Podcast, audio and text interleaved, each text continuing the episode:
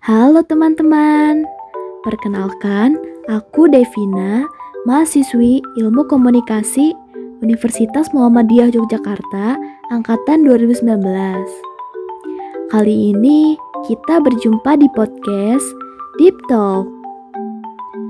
Tema pada episode kali ini adalah teknologi penyiaran.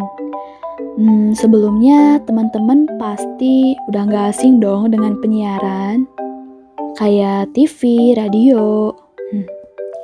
Nah, penyiaran merupakan kegiatan pemancar luasan siaran melalui sarana pemancaran atau sarana transmisi di darat, laut, atau antariksa dengan menggunakan spektrum frekuensi radio agar dapat diterima secara serentak oleh pendengarnya.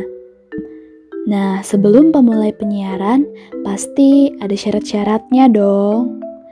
Aku bakal ngasih tahu apa aja sih syarat-syarat penyiaran itu. Yang pertama, harus tersedia spektrum frekuensi radio, yaitu kumpulan pita frekuensi radio yang berbentuk gelombang elektromagnetik serta memiliki lebar tertentu. Yang kedua, harus ada sarana pemancar yang terdiri dari mikrofon, rangkaian pemancar, dan antena.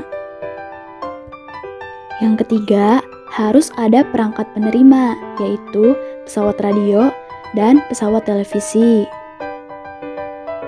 Selanjutnya, harus ada siaran yang terdiri dari beberapa program acara.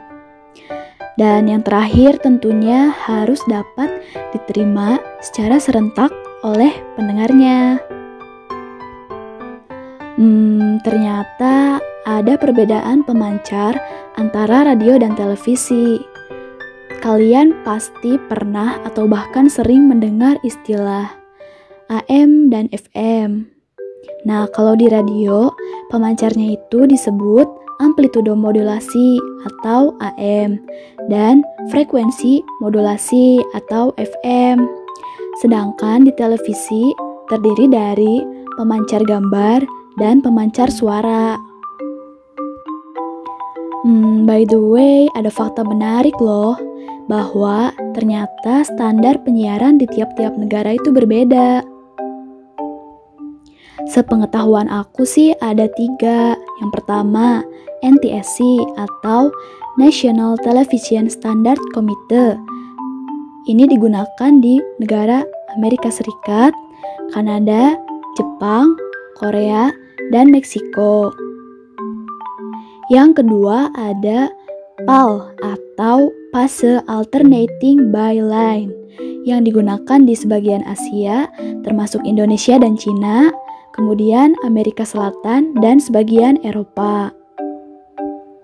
Dan yang terakhir ada SICAM atau Sequential Color Effect Memory yang digunakan di Prancis, Asia Tengah, dan Afrika.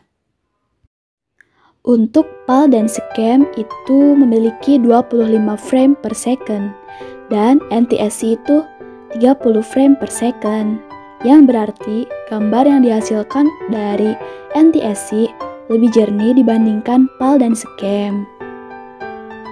Nah, hal yang membedakan antara standar penyiaran itu tadi adalah jumlah bingkai gambar per detik, jumlah garis di setiap frame, dan jumlah frekuensi yang digunakan. Mungkin segitu aja sharing dari aku. Semoga teman-teman bisa dapat sedikit gambaran lah ya tentang teknologi penyiaran. Terima kasih sudah mendengarkan dan sampai jumpa di episode selanjutnya. Bye bye.